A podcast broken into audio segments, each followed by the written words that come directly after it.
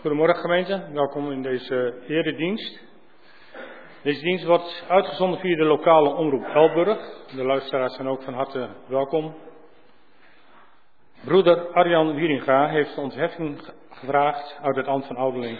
De kerkraad heeft gezien de redenen deze ontheffing ook verleend. Op basis van de verkiezingen van eerder dit jaar heeft de kerkraad zuster Olijven benoemd tot ouderling, maar zij heeft aangegeven deze benoeming niet aan te kunnen nemen.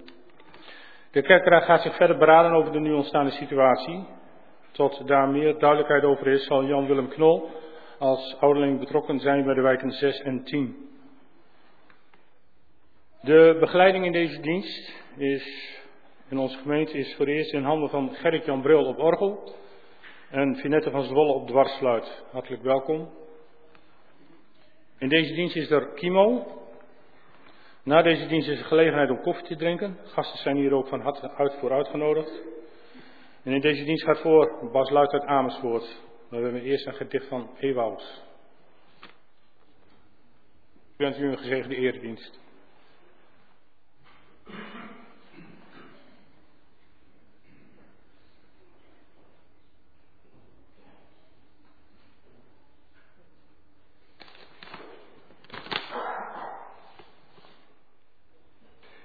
In het kader van het jaarthema Vierde Kerk heb ik een gedicht gevonden van Chris van de Kamp. Hij noemt het zelf spoken word, maar dan moet er een muziekje onder zitten en dat hebben we niet, dus ik noem maar een gedicht. Lieve kerk, waar ben je? We horen veel over je, maar niet zoveel van je. Waarom verstop je je? Ben je bang geworden? Het is alsof je zelf denkt dat je er niet meer toe doet. Ja, je bent vaak verguisd, maar je bent niet verloren. Ze zeggen dat je schuldig bent. En soms terecht. Want laten we eerlijk zijn, de handen die moesten zegenen, hebben sporen achtergelaten. Je woorden waren soms kogels, terwijl ze helend moesten zijn. Kerk Kijk naar de schade. Zie alle pijn. Maar blijf dan alsjeblieft bouwen, ondanks de brokstukken uit het verleden. Want de rots waarop je staat, is een fundament gebleken. Dus kerk, sta op. Schaam je niet langer, maar laat je zien. Sta op voor je naaste, je wijk en je land. Want de wereld draait door, maar ze wacht op jou. Want je bent een schuilplaats voor de zwakken. Een opvang voor wie gevallen is. Je brengt verbinding waar verdeeldheid heerst en vrijheid voor wie gevangenen zit. Je brengt rust in de chaos en licht in het duister. Dus kerk, luister. Verstop je niet langer, want je bent te mooi om verborgen te blijven. Je bent als een boom geplant aan water. Breng je vruchten voort in een wereld die honger heeft. Sta alsjeblieft op en laat zien dat je leeft. Kerk, ik vind je mooi.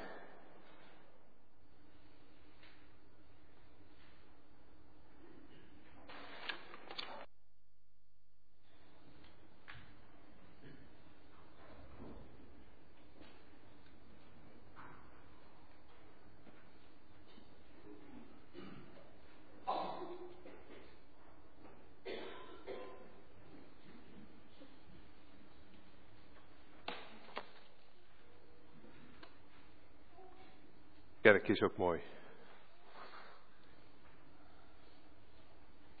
Het is wel een binnenkomen, zo'n gedicht, hè? moet jij eigenlijk even poosje stil zijn. Maar het komt er heel mooi zo richting deze eredienst. Daar ben ik blij om. Het is vandaag ook Israëlzondag, dus het gaat niet alleen over kerk, maar kerk en Israël. De diepe wortels van kerk komen boven. Daarover gaat het. En het is de Heer die ons daarvoor samenbrengt. Heer Jezus wil zijn gemeente laten zien aan de wereld. Kijk, dit doe ik. Hier breng ik mensen bijeen. En iedereen is welkom. Zullen wij, als u kunt, deze eredienst staande en zingend beginnen.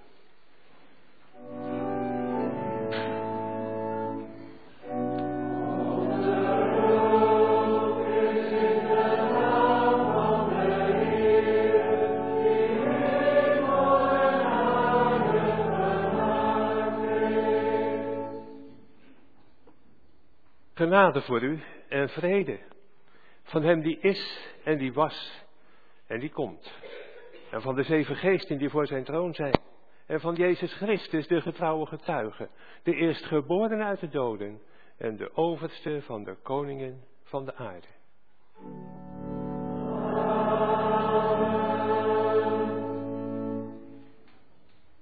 Laten wij zingen van Jeruzalem, Psalm 87, vers 1, 2 en 5.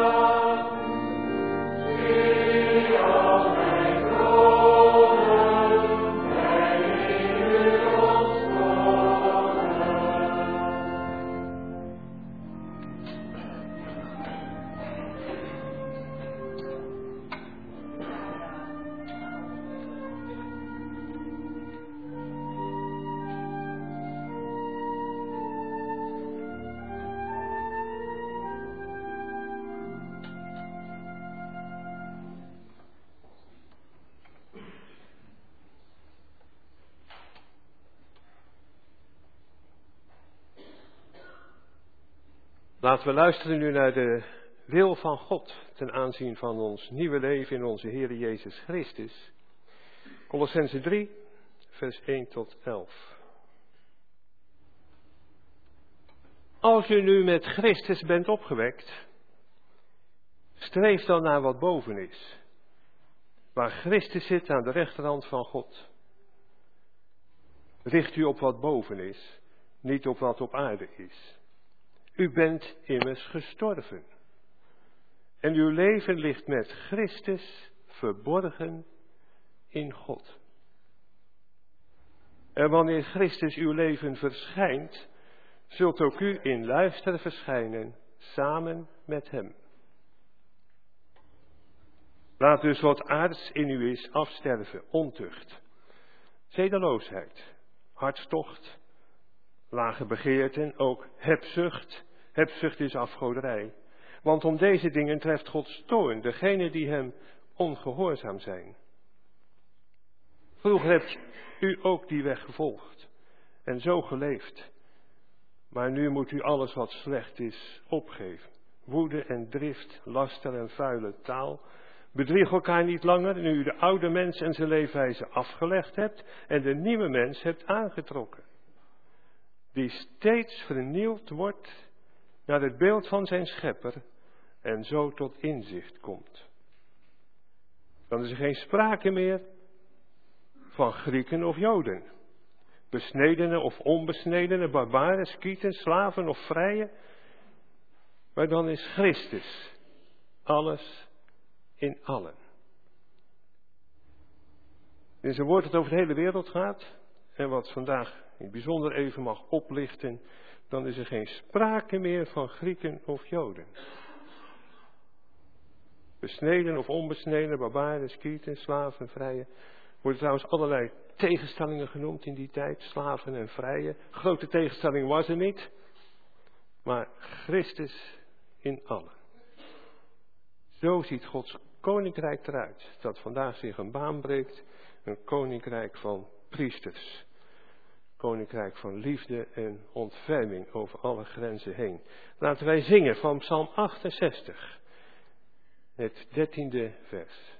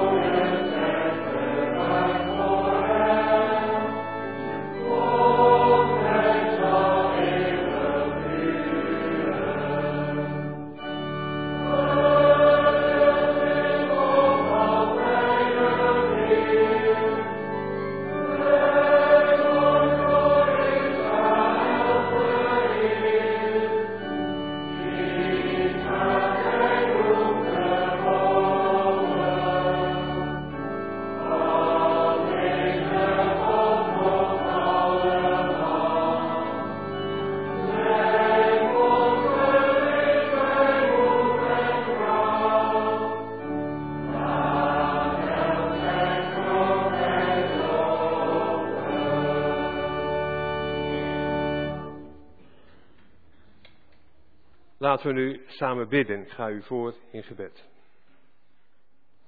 Heere onze God, Vader, Zoon en Heilige Geest. Dank u wel dat u ons samenbrengt, dat we u mogen ontmoeten. U wilt ons ook ontmoeten. U wilt spreken van hart tot hart. Vanuit uw liefde, uw eindeloze liefde. Heer, die liefde is de grondwet die u in de schepping hebt gelegd. U liefhebben boven alles onze naasten als onszelf. En u geeft dat terug in onze Heer Jezus Christus. Een nieuw begin voor alle mensen.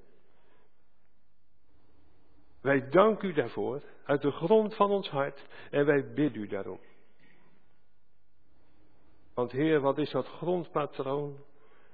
Vaak overwokkerd door allerlei tegenstellingen, haat, maar ook eigen belang en allerlei begeerten die de boventoon voeren in ook ons leven. Heer, wij beleiden u dat. Vergeef ons dat dat ook in ons hart zo gebeurt. En maak ons nieuw, Heer, zoals we lezen naar uw belofte, door uw Heilige Geest, dat u de nieuwe mens voortdurend vernieuwt. U weet hoe we dat nodig hebben, dat u ons aansluit op de bron van leven die u zelf bent. Elke dag. Maakt u zo ons leven tot een groot geschenk, Heer. Voor onszelf en voor anderen is ons heel hartelijk gebed. We danken u dat u gelukkig maakt. Dat u onder alle omstandigheden in staat bent uw beloften aan ons te vervullen. Geef ons de moed om daarop te vertrouwen. Op u alleen. En ons vertrouwen af te trekken van alles wat aan afgoden ons wordt aangereikt. Heer, er is zoveel in deze wereld wat aantrekkelijk is. Wat inspeelt op onze diepe verlangens. Ook duistere verlangens. Heer, maak ons sterk in u. Dat we weten, wij zijn eindeloos bevoorrecht. En wat u geeft, dat zal altijd zijn.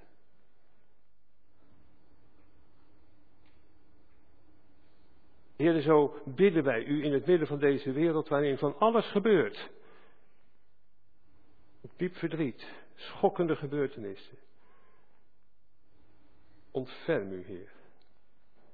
U kent ons ook persoonlijk in ons verdriet, onze moeite. U weet hoe kwetsbaar we zijn. U weet waar onze pijn zit. Heer, geeft ons nieuwe kracht. Om door dat alles heen met u de weg te vinden en vol te houden. En laat zo uw woord naar ons toekomen. Uw woord voor ons allemaal en tegelijkertijd heel persoonlijk voor iedereen. Laat dat het wonder mogen zijn van uw Heilige Geest. Wij vragen u dat in de gemeenschap der heiligen. Met ieder ook die met ons verbonden is, nu of later, via de media. Heer, zie ook hen. In Jezus' naam. Amen. Jongens en meisjes, als de Heer Jezus terugkomt, maakt Hij alle dingen nieuw, zegt Hij. En weet je hoe dat zijn zal? Dat, dat zal zo zijn dat dat er niks meer slecht is. Dat er niemand meer ziek wordt. Dat je nooit meer hoeft te huilen. Dat je geen pijn meer hebt. Net zo goed als toen de wereld werd gemaakt. Net zo goed als toen in het paradijs. Er was geen dood. Er was geen oorlog, er was geen ruzie. Kun je amper je voorstellen. Maar zo wordt het. Het is wel om naar te verlangen. En daar gaan we van zingen met elkaar. Drie versjes van vroeger gezang 75, vers 1, 3 en 4. En daarna mogen de kinderen naar de kimo van de basisschool.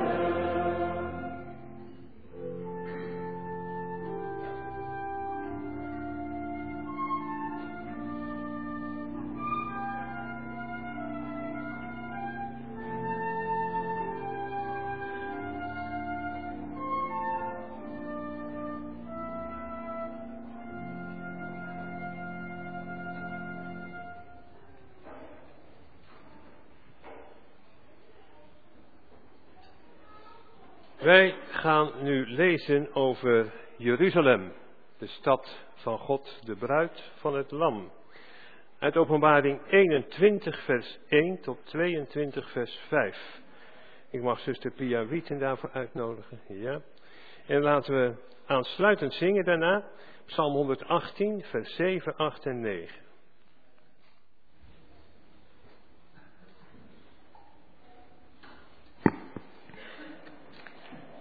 Openbaring 21. Een nieuwe hemel en een nieuwe aarde.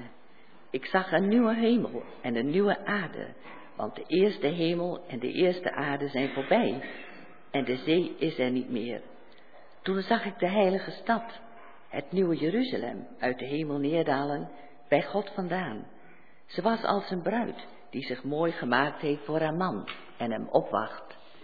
Ik hoorde een luide stem vanaf de troon die uitriep, Gods woonplaats is onder de mensen, hij zal bij hen wonen.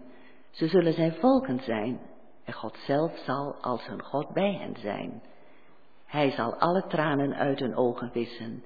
Er zal geen dood meer zijn, geen rouw, geen jammerklacht, geen pijn, want wat er eerst was, is voorbij. Hij die op de troon zat, zei, alles maak ik nieuw. Ik hoorde zeggen, schrijf het op, want wat hier wordt gezegd is betrouwbaar en waar. Toen zei hij tegen mij, het is voltrokken. Ik ben de Alpha en de Omega, het begin en het einde. Wie dorst heeft, geef ik vrij te drinken uit de bron met water dat leven geeft. Wie overwint, vallen deze dingen toe. Ik zal zijn God zijn en hij zal mijn kind zijn. Maar voor hen die laf en trouweloos zijn geweest, die zich hebben ingelaten met gruwelijke dingen, met moord, ontucht, toverij of afgodendienst, voor allen die de leugen hebben gediend, hun deel is de vuurpoel met brandende zwavel, dat is de tweede dood. Een van de zeven engelen met de offerschalen, die gevuld waren met de laatste zeven plagen, kwam op me af en zei, ik wil je bruid laten zien, de vrouw van het lam. Ik raakte in vervoering en hij nam mij mee naar een heel hoge berg en liet me de heilige stad Jeruzalem zien, die uit de hemel neerdaalde bij God vandaan. De stad schitterde door Gods luister, met een schittering als van een edelsteen, als een kristalheldere jaspis. Ze had een grote, hoge muur met twaalf poorten en bij elke poort stond een engel. Op de poorten waren namen geschreven, de namen van de twaalf stammen van Israëls zonen. Vanuit het oosten gezien waren er drie poorten, vanuit het noorden drie, vanuit het zuiden drie en vanuit het westen drie. De stadsmuur had twaalf grondstenen, met daarop de namen van de twaalf apostelen van het lam. Degene die met mij sprak, had een gouden meetstok om daarmee de stad, de poorten en de muur op te meten. De stad was vierkant, even lang als breed. Hij mat de stad met zijn meetstok twaalfduizend stadie, zowel in de lengte als in de breedte en in de hoogte. Hij mat de stadsmuur 144 el in gewone mensenmaat, die ook engelenmaat is. De muur was gemaakt van jaspis en de stad zelf was van zuiver goud, helder als glas. De grondstenen van de stadsmuur waren versierd met allerlei edelstenen. De eerste was van jaspis, de tweede van lazuur, de derde cornalijn, de vierde smaragd, de vijfde sardonyx, de zesde sadder, de zevende olifijn, de achtste aquamarijn, de negende topaas, de tiende turkoois, de elfde granaat en de twaalfde amethyst. De twaalf poorten waren twaalf parels, elke poort een parel op zich. De straten van de stad waren van zuiver goud en schitterden als glas. Maar een tempel zag ik niet, want God de Heer, de Almachtige, is haar tempel met het lam. De stad heeft het licht van de zon en de maan niet nodig. Over haar schijnt Gods luister en het lam is haar licht. De volken zullen in haar licht leven en de koningen op aarde brengen door hun eerbewijzen. De poorten zullen overdag nooit gesloten worden en nacht zal er niet meer zijn. De volken zullen er al hun eerbewijzen komen brengen, maar alles wat verwerpelijk is En iedereen die zich met gruwelijke dingen en leugens inlaat, komt de stad niet binnen. Alleen zij die in het boek van het leven staan, het boek van het lam. Hij liet me een rivier zien met water dat leven geeft.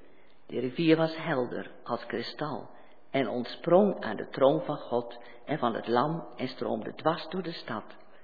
Aan weerskanten van de rivier stond een levensboom die twaalf vruchten gaf, elke maand zijn eigen vrucht. De bladeren van de boom brachten de volken genezing. Er zal niets meer zijn waarop nog een vloek rust. De troon van God en van het lam zal er in de stad staan. Zijn dienaren zullen hem vereren en hem met eigen ogen zien en zijn naam staat op hun voorhoofd. Het zal er geen nacht meer zijn en het licht van een lamp of het licht van de zon hebben ze niet nodig, want God, de Heer, zal hun licht zijn en ze zullen als koningen heersen tot in eeuwigheid.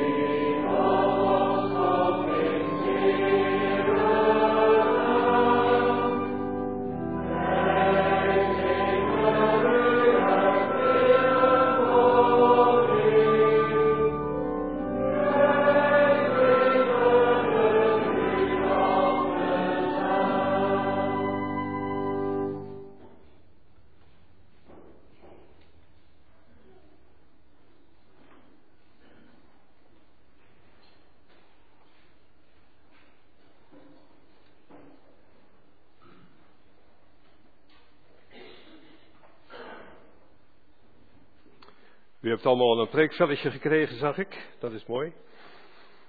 Weet je ook het thema al? Ja, u hoeft niet dat velletje voor je te nemen hoor. Het is hier geen college. Maar Jeruzalem, de bruid van het land, daarover gaat het.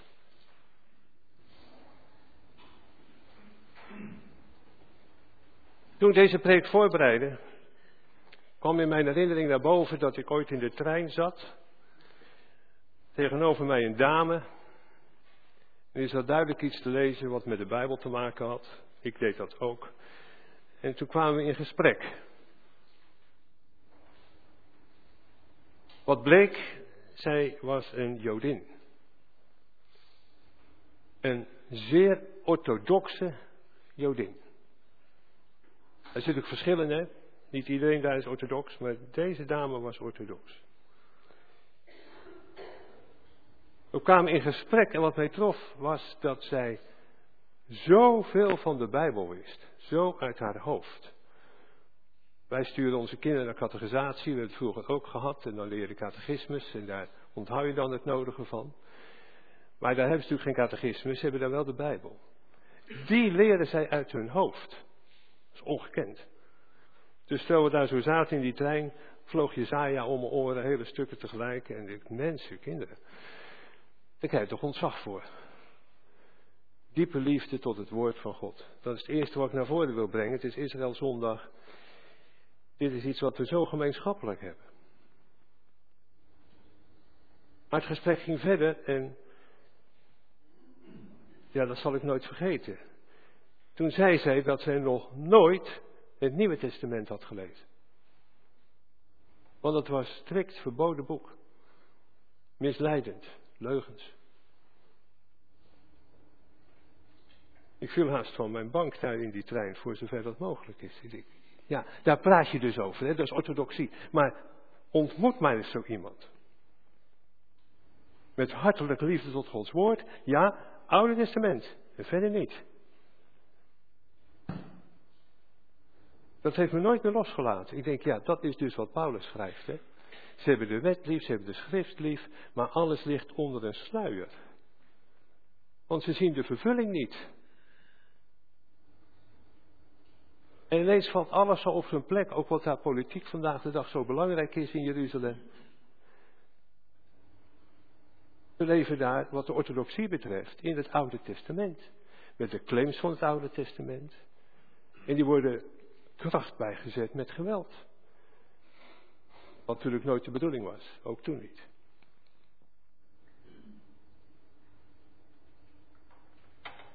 Als je dan nadenkt over Israël zondag, dan denk ik, ja, wat hebben we nu gemeenschappelijk? Laten we dat vooral zeggen. En zodoende kwam ik bij het onderwerp Jeruzalem.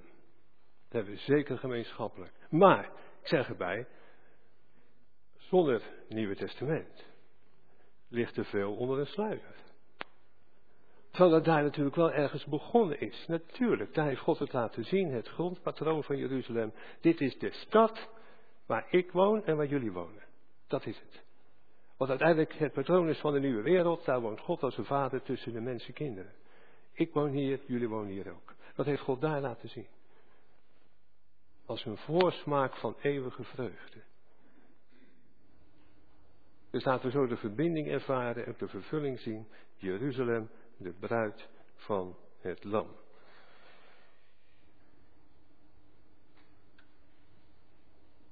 We hebben natuurlijk heel veel mooie dingen gelezen. Ik heb geprobeerd daar wat in te ordenen voor deze preek. Drie punten, de bruid, de stad en de rivier.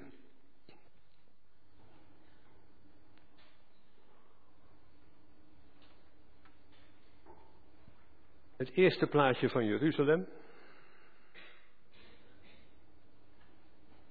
Dan verwacht je een stad. Misschien. Nee, het is de bruid. Dat is de eerste verrassing die we meemaken als je dit zo leest, dat beeldspraak over elkaar heen buitelt. Wat ooit een stad was, aanwijsbaar, aantoonbaar, dat is nu geworden tot een symboliek. Heel de openbaring aan Johannes is symbolisch. Dat wil niet zeggen dat het vluchtig is of dat het uh, zomaar weg is. Nee, symbolisch wil zeggen dat je in enkele beelden heel veel kunt zien. God heeft in enkele visioenen heel veel vastgelegd. Het zijn gelijkenissen die je ziet. En de meeste gelijkenissen die Jezus heeft verteld, die kennen we allemaal, omdat ze zo sprekend zijn, zoveel inhoud hebben. Visioen.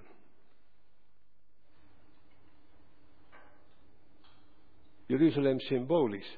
Dat helpt misschien. Als je bedenkt dat twee hoofdstukken eerder het ook gaat over een stad. Dan gaat het over Babylon. Als ik dat zeg, dan denk ik dat het makkelijker is om te bedenken. Kijk, dat is niet een stad die je kan aanwijzen op de kaart. Ook niet op de wereldbol. Babylon is symbolisch.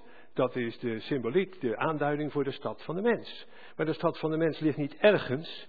Dat is een manier van leven. Dat is reflecterend aan Babel van vroeger. Die stad, die toren die werd gebouwd. Van we hebben God niet nodig. We klimmen zelf vanuit de hemel op. Zo. En dat heeft God ook helemaal verstoord. En dat is Babylon. De stad van de mens zonder God. Nou, als dat nou de ene stad is, niet letterlijk aanwijsbaar, niet tastbaar, maar een gemeenschap van leven, dan snap je is Jeruzalem, dat tegelijkertijd een aanbouw is, ook net zo symbolisch. Het is een manier van leven, het is de samenleving met God. En ook Babylon wordt voorgesteld als een vrouw. Dat is niet zo'n leuke vrouw, maar ik laat het heel even zien. Dat is een hoer. Gezeten op een beest. En dat beest is de duivel zelf. Alleen dat beest laat zich niet zien, maar het is de hoer die zich laat zien. En dan moet je niet onderschatten, een hoer is heel verleidelijk. Hoef maar een been te laten zien en heel wat mannen zijn verkocht. Zo gaat dat. En onze maatschappij heeft wat te laten zien. Om God bij te vergeten. Want dat is een hoer. Die wacht niet op één, maar maakt niet uit wie er komt. En het draait allemaal om geld. Zo verleidelijk. Als je geld hebt, heb je binnen handbereik. Kun je al je verlangens bot vieren. Met de bedoeling, vergeet die ene. Daar heb ik het niet over. We hebben het niet over liefde. We hebben het over geld. Hoe de tegenpolen. Dus ik ga gauw naar die mooie bruid toe, de bruid. Die zegt, geld kan me gestolen worden. Daar kan je geen liefde mee kopen. Maar ik verlang naar mijn bruidegom. Weet het verschil? En is het niet geweldig van onze God om het ons zo te laten zien dat hij de hele geschiedenis samenvat en de afloop van de geschiedenis samenvat in twee steden. Je hebt Jeruzalem, je Babylon. Je hebt de bruid die naar Jezus toe leeft, naar zijn komst, zich voor hem klaarmaakt. En je hebt de hoer die met de andere dingen bezig is en God vergeet. Nee, meer smaken zijn er niet. Zou je wel willen, een beetje ertussenin, ook een stad. Een beetje van dit en een beetje van dat. Is er niet. Dus je moet serieus nadenken welke poort je binnen wilt. De ene kant of de andere kant. God maakt het ook heel duidelijk. Voelt je dat hier helemaal geen toekomst aan is? Ja, de afloop is toekomst. Daarmee bemoedigt God ons om de juiste keus te maken. Hij laat zien waar het op uitdraait. Hij laat zien dat Babylon, geweldig in opbouw, glansrijk, verleidelijk, tot alles in staat, wetenschappelijk en noem maar op, dat dat in één dag verloren is. Alles wat buiten God is, heeft geen toekomst. En de hele wereld staat te jammeren, twee hoofdstukken eerder. Hoe is het mogelijk dat al die pracht in twee dagen weg is?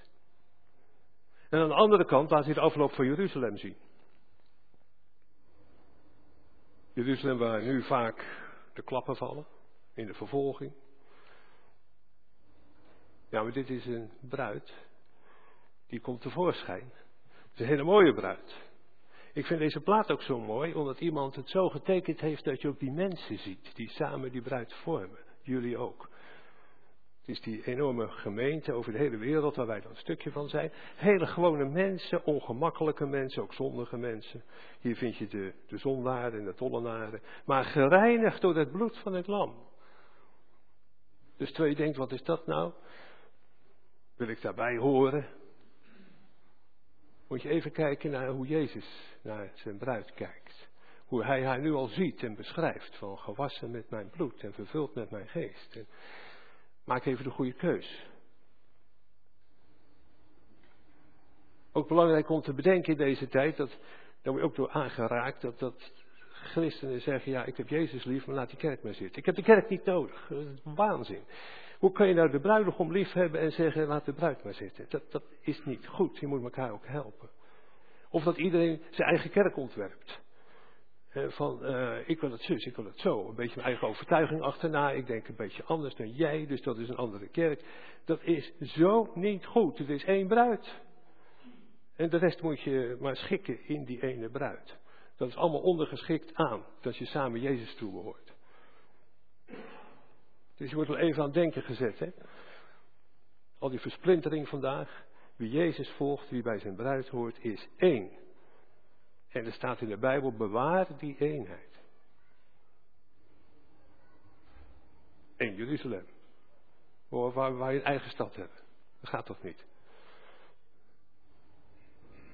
Eén bruid, één Jeruzalem. Er zijn er geen twee. Geen drie, geen tien, geen tachtig. Niet. Dus mijn broer en zus. Een visioen. Zo sterk. Zoveel samenvattend. Om te onthouden. Op je netvlies te bewaren. Jeruzalem dat ik bemin. Wij treden uw poorten in. Dat is ook geen toekomst. Dat is vandaag. De heerlijkheid is toekomst. Stad is vandaag in aanbouw. Nou, dat brengt ons bij de stad. Dat deze bruid wordt getypeerd ook als stad. Want zo heeft God haar laten zien in het Oude Testament al: van hier woon ik, hier wonen jullie, hier komen we bij elkaar. Een zegende stad. Versierd met rijke beloften dat God zegt: hier woon ik, hier bescherm ik. Als jullie bij mij blijven, dan is er niemand die jullie kwaad doet. En zo was dat. Als ze op God bleven vertrouwen, dan was er altijd als een vestingmuur om hen heen de trouw van God. Terwijl God ook liet voelen van, als je mij verlaat, ja, dan, ja, dan gaat het niet goed. Dan kan zelfs de stad worden verwoest, dan moet je allemaal weg. Het gaat om, ik woon hier, jullie wonen hier en we worden bij elkaar. Dat is als een hechte stad. Onneembaar. Maar wel met poorten. Je mag er wel in. Nou, dat is wat Johannes dan in heerlijkheid ziet. En ik kijk namens ons allemaal. Prachtige stad. Een en al sieraad, jaspis, zuiver goud. Met op de poorten de namen van de twaalf zonen van Jacob. Dan heb je het Oude Testament. En op de grondstenen van de muur de twaalf namen van de apostelen van het Lam. Dan heb je het Nieuwe Testament. Dan heb je alles bij elkaar en samen. Dus de diepe verbondenheid met de twaalf zonen van Jacob. En daarin met Abraham, het verbond dat God met Abraham oprichtte. Kijk daar nooit aan voorbij, want daar liggen je wortels. Nog steeds. Paulus schrijft aan de Galaten, als je toch een stukje Bijbel uit je hoofd wil leren. Iedereen die Jezus Christus beleidt, is kind van Abraham. Als je dat dan onthoudt, gelaten 3 vers 29. Iedereen die Jezus Christus beleidt, is kind van Abraham. Daar loopt het verbond met Abraham verder. Het verbond van geslacht op geslacht. Daar lopen de beloften verder die God aan Abraham heeft gedaan. Weet je wel, Abraham moest uit zijn tent komen. Tel de sterren, Abraham. Ja, dat gaat niet, er zijn er veel te veel. Kijk, zo uitgebreid wordt je nageslacht. Jij wordt de vader van vele volken. Volken. Wist Abraham veel, maar wij zien het gebeuren. De volken naderen tot die stad, gaan door de poorten binnen, met erop de namen van de zonen van Jacob.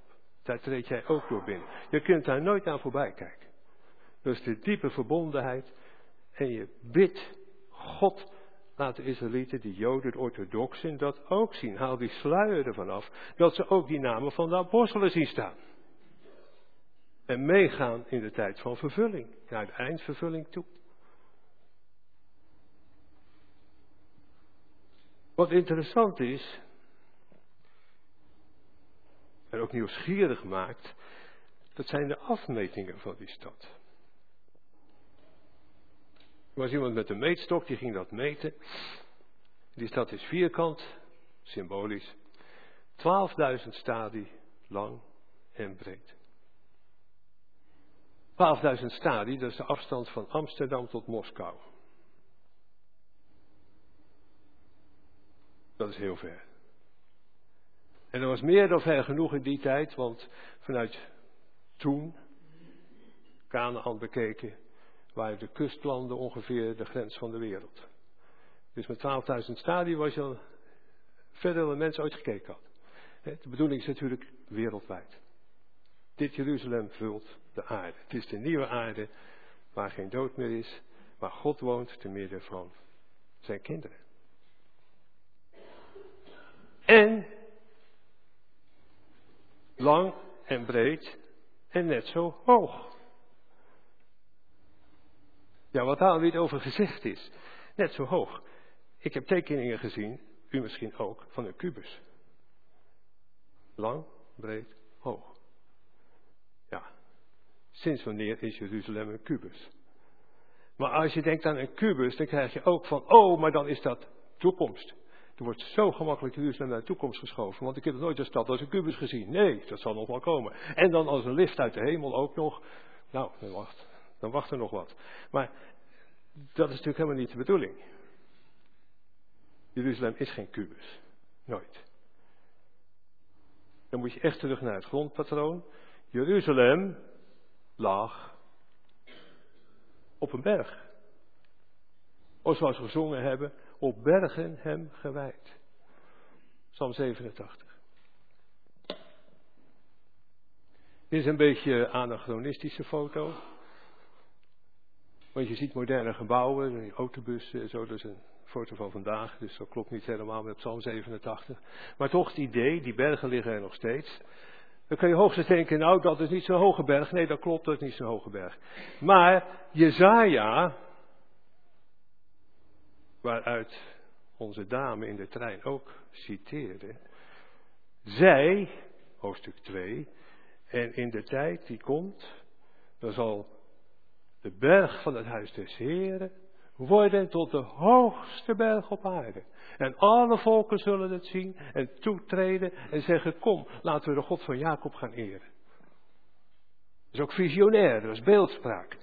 Beeldspraak die hier wordt opgepakt in dit visioen tot de hoogste berg. Zo hoog dat je de top niet eens kan zien. Als je aan de grond staat. Maar je begrijpt wel, als je onderaan de voet van zo'n berg staat, dan zie je alle straten omhoog lopen en zo. Tegen de helling op. Johannes werd meegenomen naar een andere zeer hoge berg. Zo staat het. Dus hij keek vanuit de hoogte op Jeruzalem neer en hij zag alle straten naar beneden lopen. Hij zag hoe die stad langs de berghellingen afdaalde. Zo zeggen we dat toch? Bij God vandaan. Het is dus geen lift. Het is een manier van liggen tegen de berghellingen op. Of van de berghellingen af, net hoe je van hoog of laag kijkt. Schitterend beeld. Je komt door de poorten naar binnen. Je ontmoet daar de mensen, de volken en alles. En de top reikt tot in de hemel. Je hebt ook gemeenschap met God, die te midden van zijn kinderen woont. Het mooie is daarvan ook, dat weten we ook wel, dat als je die stad binnenkomt in geloof door Jezus Christus, dan hoef je er nooit meer uit. Ook bij sterven niet. Dan schuif je een paar straatjes op, omhoog. Maar je hoeft de stad niet uit. Dat is wat hier wordt getoond. Zeer indrukwekkend. En bedenkt u wel, gebouwd van levende stenen. werd ook gezongen, Jezus Christus zelf is de hoeksteen. Dat is ook een levende steen. Dit is geen Jeruzalem van baksteen. Nee, intussen van edelsteen. En parels. Maar nog steeds levende stenen. Levende stenen die door en door zijn gereinigd door het bloed van het lam. Dan ben je een parel. Weet je dat jij een parel bent in de hand van God? Edelsteen. Een edelsteen die zelf geen licht geeft, het is geen lampje, maar het kan eindeloos licht weerkaatsen. En dan kun je iets bij voorstellen, maar lang niet bevatten wat er gebeurt als Gods heerlijkheid valt op al die verschillende edelstenen. Ze worden benoemd bij namen, uitgebreid. Wij zouden zeggen gewoon heel veel edelstenen. Nee, ze worden allemaal gesorteerd, die steen, die, allemaal verschillende glans, kleur, weerspiegeling. Zo heerlijk is de stad van God dat zijn heerlijkheid op alle manieren wordt weerkaatst. En daar doe jij al mee. En jij, en jij, jij, jij. Kun je niet voorstellen? Zit hier als gewone mensen bij elkaar. Ja, maar gereinigd door het bloed van het lam. Weet je wat dat betekent? Dat ook eens je zondige aard eruit wordt gehaald. Die, die dubbel verlangen dat in je zit. En toch dat hangen naar Babylon. En dat gedoe. En jezelf in het middelpunt. En dat is de kern van de zondeval van ik ben God. Ik maak zelf uit wat ik wil. Als dat nog allemaal eruit is. Als al die tollenaren en zondaren gereinigd zijn tot een parel. Ja, dan is dit ook je diepste vreugde. God te weerspiegelen. In hem je vreugde te vinden. Dat is zijn vreugde, ook mijn vreugde. En niet alleen maar toekomst. Hè. Je hebt nu die voorsmaak daarvan. Ieder die God zoekt, die zal hem vinden. Die zal ook die vreugde van hem vinden. Nou, daar is heel wat om over na te denken. En uh, ik hoop dat u dat doet. Om te bidden ook te beseffen wie je bent, je keuzes te vernieuwen. Nou, we tenslotte naar de rivier.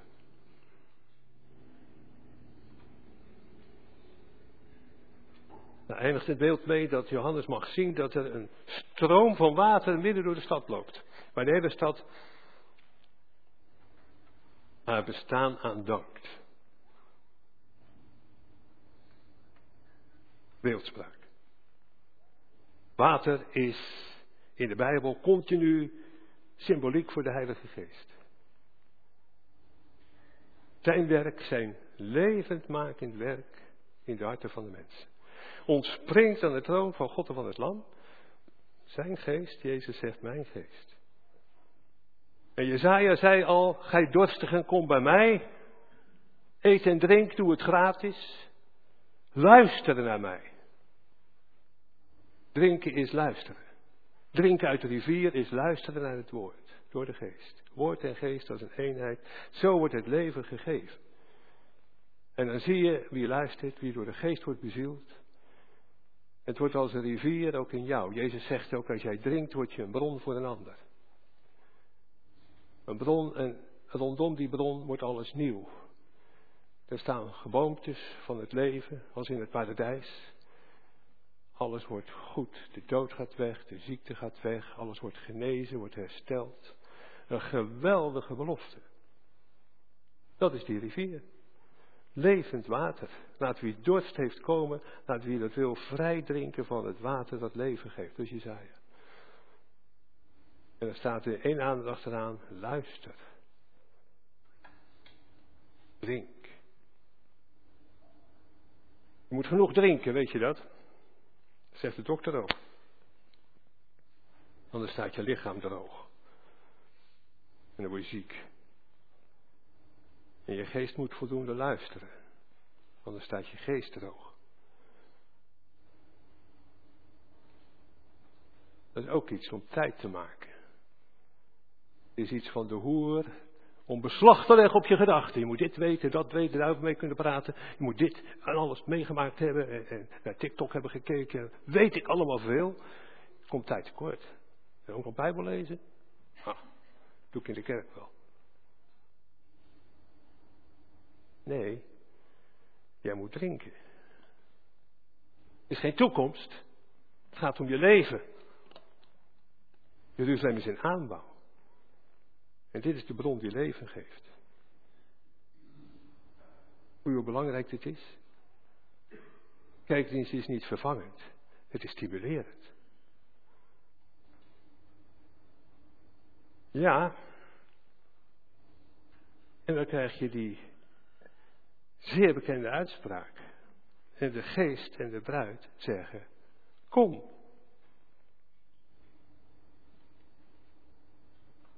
De bruid zegt: Kom. Door de geest, met de geest, kom. Voor je, dit is geen toekomst, hè? Dit is niet Jeruzalem kant en klaar. Het is nu nog de tijd om te zeggen: Kom, mensen, kom. Alsjeblieft, kom.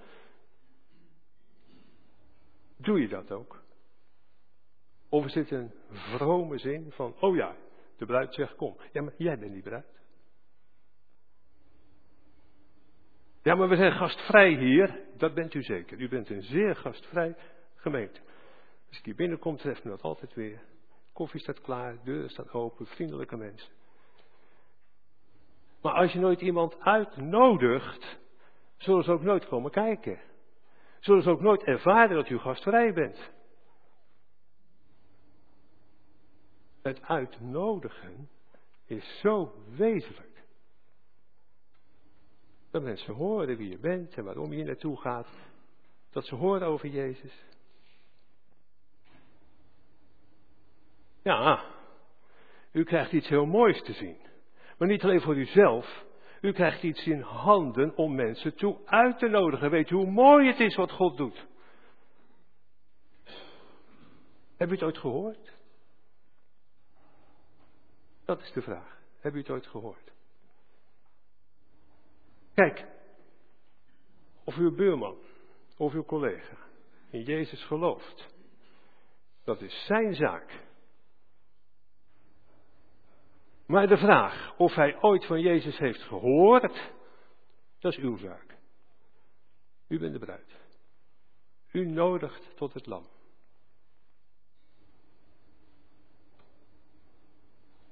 En als ik me niet vergis, is in de kerken hier iets stilgevallen was ook net een beginfrase. Kerk, waar ben je?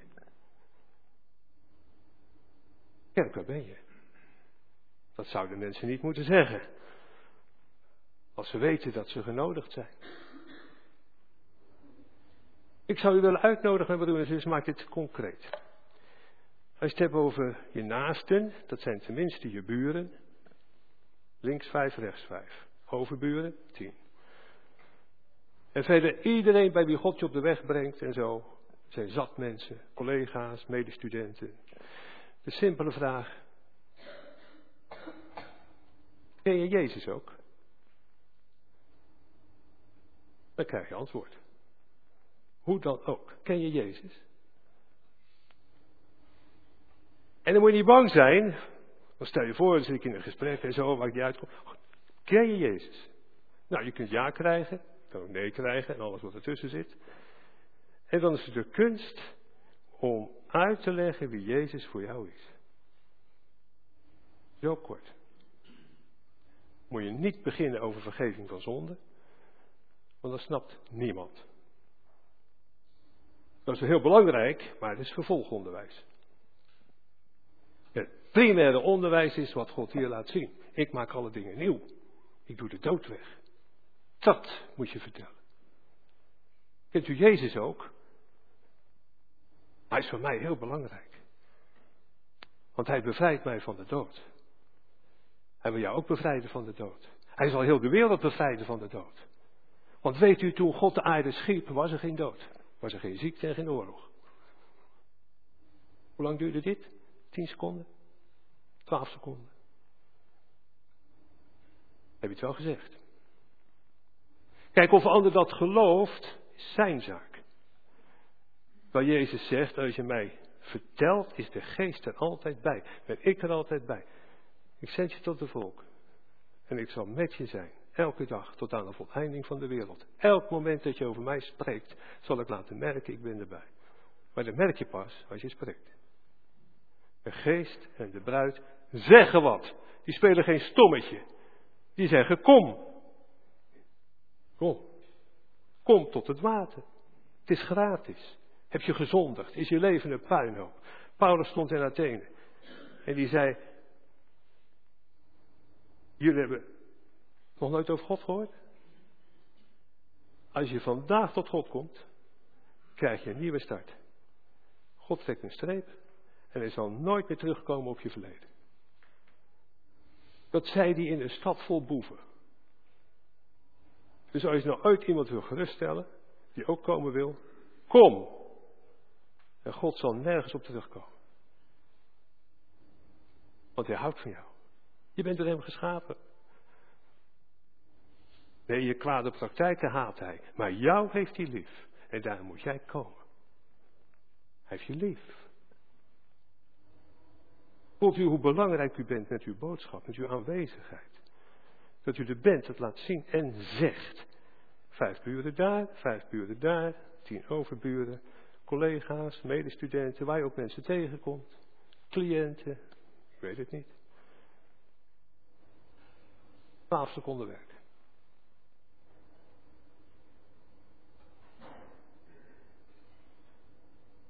De bruid heeft een tong. En dan gaan we naar het laatste plaatje. Ja, dat is slechts een pentekening, want verder kan ik het ook niet invullen. Maar er staat dat we God zullen aanschouwen. Van aangezicht tot aangezicht. Hoe fantastisch zal het zijn. En je hoeft niet eens weg te kruipen. Maar ik vind het een schitterende pentekening, die verbaasde ogen. Bent u nou die God? In wie ik altijd heb geloofd, van wie ik altijd heb gezongen. Heer Jezus, dat ik u nou zie. Ja, daar gaat het heen. Amen. Maar tijd dat we zingen, vindt u ook niet. Ik zag een nieuwe hemel zich verheffen. Liedboek 766, de drie coupletten.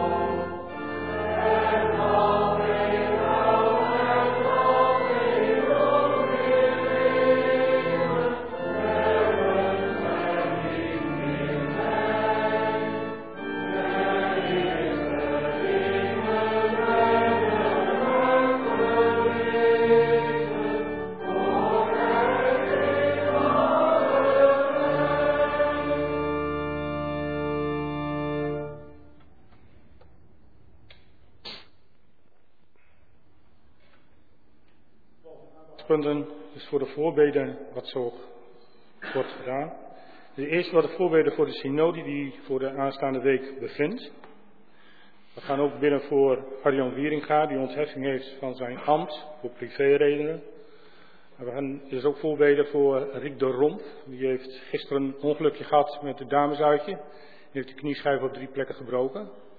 Die gaat, als het goed is, volgende week wordt geholpen daaraan.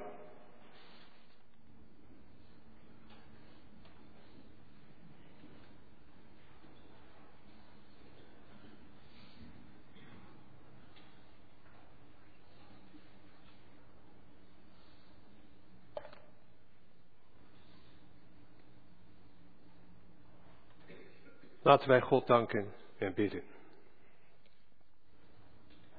Heere onze God, wij danken u hartelijk voor dit prachtige vergezicht.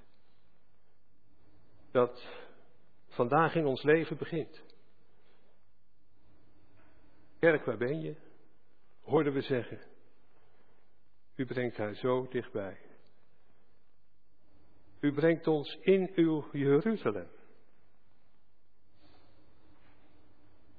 Waarvan we heel goede dingen mogen zeggen. En zelf mogen ervaren.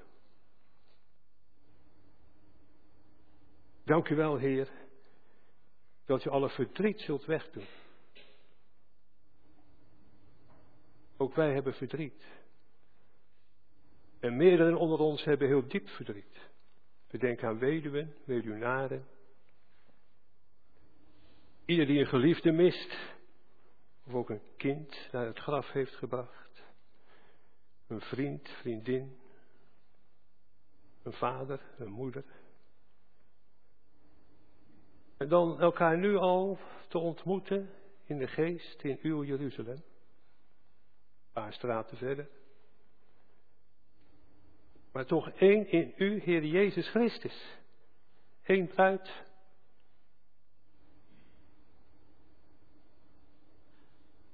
Heer, wij bidden u, helpt u ons toch die ene bruid te zijn. Want wij kunnen heel lastige mensen zijn, ook voor elkaar. Vergeef ons. En we zien versplintering van kerken. We leven in een tijd waarin dat hand over hand toeneemt, alsof iedereen zijn eigen kerk kan kiezen en ontwerpen. Het zit in het hart van ons allemaal. Om anders dan maar een beetje afstand te nemen. Heer, vergeef ons. U weet ook welke pijn erachter kan zitten. Maar door uw Heilige Geest, voeg ons samen. Laat ons het wonder ervaren van zoveel verschillen en toch één in u. Dat. Zegent u ook de synode in Deventer op die manier? Moet ook aan elkaar wennen als pasverenigde kerken. Laat het tot veel zegen mogen zijn, veel herkenning mogen geven, veel gezamenlijke plannen ook. Om als kerk zichtbaar te zijn, tot een zegen voor de omgeving. Vader, wij bidden in het bijzonder voor Israël vandaag. Wij bidden voor het Joodse volk in het algemeen. Waaraan we heel veel te danken hebben, omdat u daar met uw belofte bent begonnen. We weten ons ingelijfd bij Abraham, zijn verbond dat u met hem hebt opgericht. Wij danken u daarvoor. En wat zijn juist de Joden door de eeuwen heen mikpunt geweest van spot en haat en vervolging. Wat zijn er verschrikkelijk veel Joden vermoord. Tot in de Tweede Wereldoorlog toe. En ook vandaag komt opnieuw het antisemitisme omhoog. Heer, behoed hen en bewaar ook ons voor dat soort extremiteiten.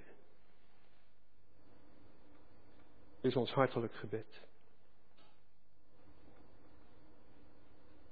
En wilt u tot geloof bewegen? Ook onder Joden is er de beweging om niks meer te geloven, net als onder Nederlanders. En er zijn ook van die zeer orthodoxe. En we merken, Heer, dat dat problemen geeft vandaag de dag tot in de politiek toe. Door al de extremistische standpunten die worden ingenomen, de oud-testamentische claims op grond en grenzen. Heer, ontferm u. Uw woord zegt dat er een sluier ligt over het Oude Testament, zolang Jezus Christus niet wordt aanvaard. Wilt u die sluier wegnemen? Wilt u laten zien dat u verder bent? Dat u Jeruzalem over de hele wereld gaat? Wilt u ook zijn met het Palestijnse volk? Dat er altijd gewoond heeft. Maar ook opeens moest verdwijnen. Heer, wat een spanning geeft dat. Dat lossen wij niet op. Geeft u heel veel wijsheid ook aan Verenigde Naties. En daaromheen, Heer, al die islam. Heel veel religie. Maar geen verlosser. Ontferm u. Heer Jezus. En wij danken u dat over alle grenzen heen, in Israël en daaromheen, u toch ook wordt beleden. Dat er christelijke Joden zijn, christelijke Arabieren. Er is geen land waar u niet bent en niet wordt beleden. Wij wachten nog, Heer, op dat moment dat u zegt dat u wordt beleden in alle talen. Zegent u het vertaalwerk. Maar Heer, wilt u ons helpen gewoon onze taal te gebruiken om over u te vertellen? Geef ons volle vrijmoedigheid. Geef ons aandacht en liefde voor onze naasten, zoals u onze naasten lief hebt. Daarom gebiedt u ons dat. Dat we hen zien als door u geschapen, door u geliefd. En dan, dan, geef ons de moed door uw geest om te spreken, om te nodigen. We hebben zoveel moois te laten zien. Is ons heel hartelijk gebed. En niemand meent toch serieus dat de dood bij het leven hoort. Het wordt zo makkelijk gezegd. Als we zien hoe in deze week een stad als Rotterdam is aangeraakt door de dood. En in diepe rouw is. Aangeslagen. Er is toch niemand die zegt dat de dood bij dat leven hoort. Heer, wilt u helpen die leugens te doorbreken. Maar nu vooral, Heer, ontferm u. En als er zoveel roep is om troost, laat u er mogen zijn met woorden van eeuwig leven, is ons heel hartelijk gebed.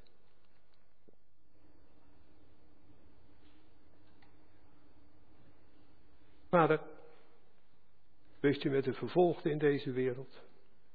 Allen die geen schuilplaats hebben. We denken aan de vluchtelingen, en hun kinderen, of soms ook kinderen zonder ouders. Gemakkelijk doelwit voor mensenhandelaren. En dan komen ze terecht tot in Nederland toe, ergens in de prostitutie. God, wat een enorm kwaad gebeurt daar op allerlei manieren. Onverdraagzaamheid, haat, moordpartijen. Denk aan de verschrikking in Darfur. Heer, wilt u dat keren kon het zijn. Maar ook degenen die getroffen worden door rampen bosbranden, aardbevingen. Heer, deze wereld verslijt. Alles roept om uw komst, Heer Jezus. Wij roepen ook. Heer, wilt u intussen ons bouwen als gemeente? Wij bidden u, Heer, om een ouderling. Wees u met Arjan Wieriga, die ontheffing moest vragen en kreeg. En wilt u de raad van de kerk ook bezielen door uw geest, zodat ze leiding kan geven, kan toerusten en bemoedigen, juist tot die primaire taken van kerk zijn, in de omgeving. Maak onze levende gemeente hecht met elkaar verbonden in u, Heer. Dit is ons hartelijk gebed. Wees met alle zieken, Wees met allen die merken van mijn leven gaat anders dan ik wil. Wees al, met alle handicap, degenen die daaronder lijden. Ook hen die hen verzorgen. Heer, daar gaat ook heel veel moeite in gepaard. We dragen ze van harte aan u op, Heer. En houdt u de blik gericht op de dag van volkomen herstel. Wees je met Riek de Romp, onze zuster die haar knie brak op drie plekken. Heer, Wees haar nabij.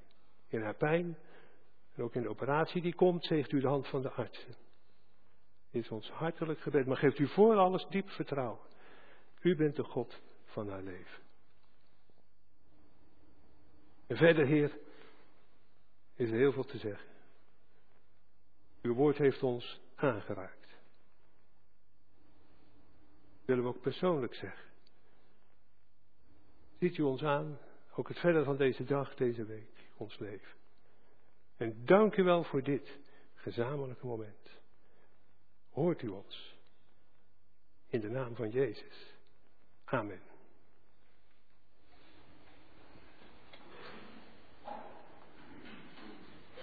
U ontvangt gelegenheid, Heer, uw gaven te schenken in de collecte. Heer, zegene uw gaven voor stichting Cetia, zie ik.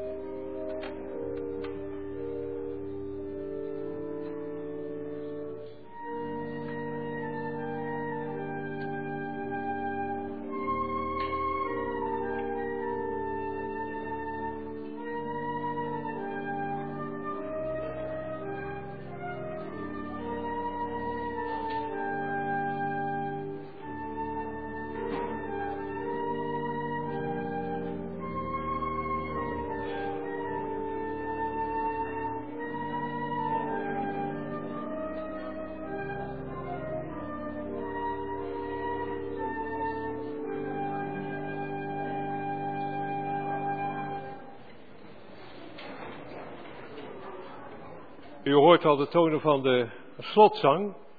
Lichtstad met uw parelen, poorten. Prachtige taal om ons verlangen naar Jeruzalem te bezingen.